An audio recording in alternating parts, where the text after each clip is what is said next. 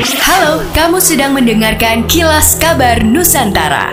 Podcast persembahan KG Radio Network menyajikan berita harian yang mengangkat keunikan dari berbagai wilayah Indonesia.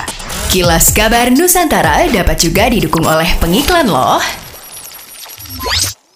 Kantor Wilayah Kementerian Hukum dan Hak Asasi Manusia Sulawesi Utara menjalin kerjasama dengan pemerintah Kota Manado dalam pembentukan produk hukum di bidang UMKM.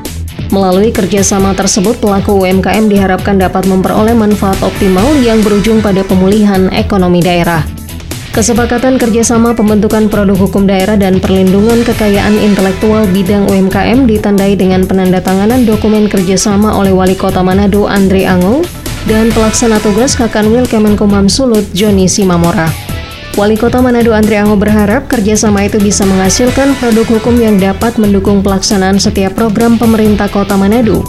Selain itu, perlindungan kekayaan intelektual diharapkan juga dapat menciptakan pola pikir kreatif untuk mendukung sektor UMKM. Wali Kota juga optimis sinergitas yang terjalin antara Pemkot Manado dan Kemenkumham Sulut akan memberikan dampak positif terhadap masyarakat. Dalam kegiatan itu, pemerintah kota Manado juga menyerahkan hibah tanah di Kelurahan Pandu kepada Kemenkumham Sulut.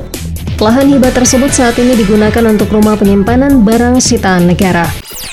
Ajak si kecil belajar sambil mendengarkan dongeng. Media hiburan edukatif, berkualitas, serta aman bagi screen time si kecil yang bisa diakses di mana saja, kapan saja. Yuk, dengarkan dongeng klien orang tua, persembahan KG Media, hanya di Spotify. Kapolda DIY Irjen Pol Dr. Andes Asep Suhendar MSI menyerahkan penghargaan kepada 29 personil Direktorat Reserse Narkoba Polda DIY Rabu 9 Februari 2022. Ke-29 personil tersebut adalah anggota Ditres Narkoba Polda DIY yang berhasil mengungkap dan menangkap pelaku tindak pidana penyalahgunaan narkotik lintas provinsi dengan barang bukti 91,1 kg ganja kering siap edar dan ladang ganja seluas 2 hektar dengan tanaman tanaman ganja 20.000 batang tanaman. Kapolda berharap pemberian penghargaan ini dapat memotivasi anggota yang lainnya dalam melaksanakan tugas. Jajaran prajurit TNI dan Polri beserta istri mulai disuntik vaksin booster. Pelaksanaan vaksinasi booster berlangsung di Kodim 0115 Semelu Rabu 9 Februari 2022. Saat pelaksanaan vaksin berlangsung, sebanyak 110 prajurit TNI Polri berhasil divaksin setelah melalui serangkaian screening yang dilakukan oleh petugas kesehatan maupun tim kesehatan dari TNI Polri.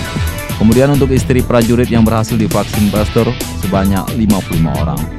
Kegiatan yang dihadiri langsung Dandim 0115 Simelu, Letkol Infantri Yogi Bahtiar, Kapolres Simelu serta mewakili dari dan Lanau Simelu diakhiri dengan pembagian door prize bagi peserta vaksin yang berhasil mencabut nomor undian. Demikianlah kilas kabar Nusantara malam ini.